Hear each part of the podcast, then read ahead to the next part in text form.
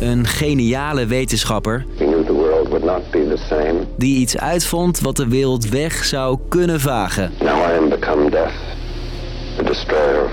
Ik heb het over Oppenheimer en de atoombom. Deze week ging een film erover in première. Why? Why? How about because this is the most important thing that ever happened in the history of the world? En het onderwerp is sinds Poetin dit zei weer booming. Wat creëerde Oppenheimer precies en hoe veranderde dat de wereld? Ik ben Steef en ik leg je dat uit in deze Lang verhaal kort. Een podcast van NOS op 3 en 3FM. 1942. De Tweede Wereldoorlog is in volle gang en overal ter wereld vallen bommen. Ondertussen zijn in Amerika geheime besprekingen. Julius Robert Oppenheimer, de zoon van Duits-Joodse immigranten in New York, wordt gevraagd mee te werken aan het zogeheten Manhattan-project, samen met tientallen andere natuurkundigen. Het schijnt namelijk dat Nazi-Duitsland werkte aan de ontwikkeling van een atoombom. Reden voor Amerika om hetzelfde te doen. En Oppenheimer is erg enthousiast, ziet collega Philip Morrison direct. enormous devotion, determination to get the war over, to do what he could. Oppenheimer wilde vooral de oorlog beëindigen, zegt Morrison. Hij krijgt de leiding over de groep wetenschappers. Oppenheimer, at once, he could see Oppenheimer was, was a man who understood every part of the job and who was determined to get it done as best as he could. Die kennis en zijn doorzettingsvermogen hebben resultaat. Want drie jaar later, in 1945, barst de bom. De Trinity-bom, om precies te zijn. Op een afgelegen plek in een Amerikaanse woestijn laten Oppenheimer en zijn team de allereerste kernbom ooit ontploffen. Dat het de sterkste bom ter wereld zou zijn, dat wist Oppenheimer wel. power of physical science. Maar Trinity bleek nog vier keer sterker dan hij van tevoren had gedacht. Zo sterk dat alles in de buurt van de inslag volledig verdampte.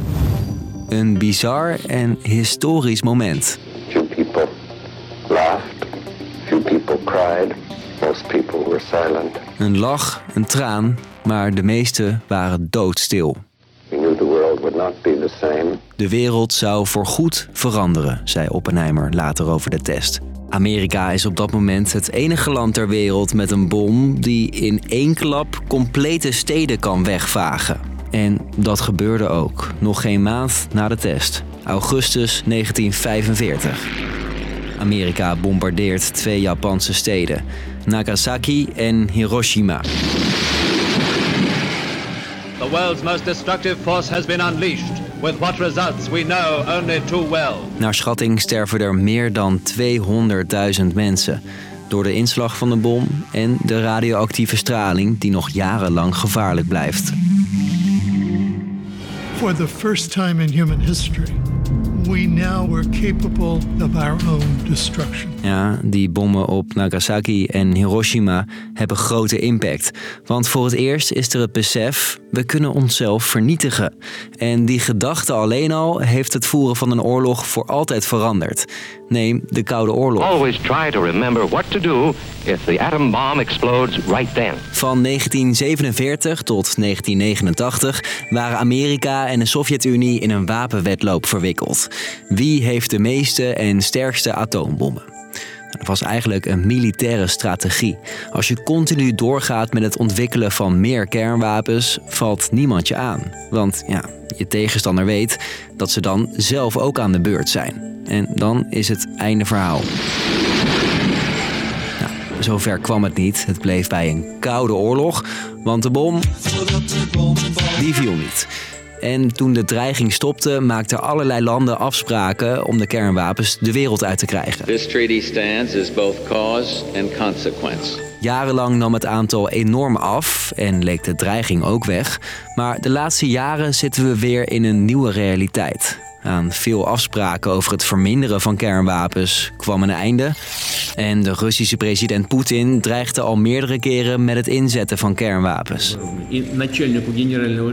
En dus heeft ook nu de uitvinding van Oppenheimer nog impact. Iets waar hij kort na zijn uitvinding al voor vreesde. Now I am the destroyer of worlds. Dus, lang verhaal kort, om even tot de kern te komen. De atoombom werd bedacht door de Amerikaanse natuurkundige Oppenheimer. Zijn bom viel in de Tweede Wereldoorlog, speelde de hoofdrol in de Koude Oorlog en zorgt ook nu weer voor spanning. In real life en in de bioscoop. Keep everyone there until it's done. Dat was hem voor vandaag. Elke doordeweekse dag zijn we er om 5 uur in jouw favoriete podcast-app. Thanks voor het luisteren en tot de volgende. 3FM. Podcast. Altijd alles achter de schermen willen kijken? 3 voor 12 geeft je een backstage bandje met de 3FM podcast De Machine. Je hoort alles over festivals, streamingdiensten en briljante nieuwe muziekideeën. Luister De Machine via de 3FM app of jouw favoriete podcastplatform.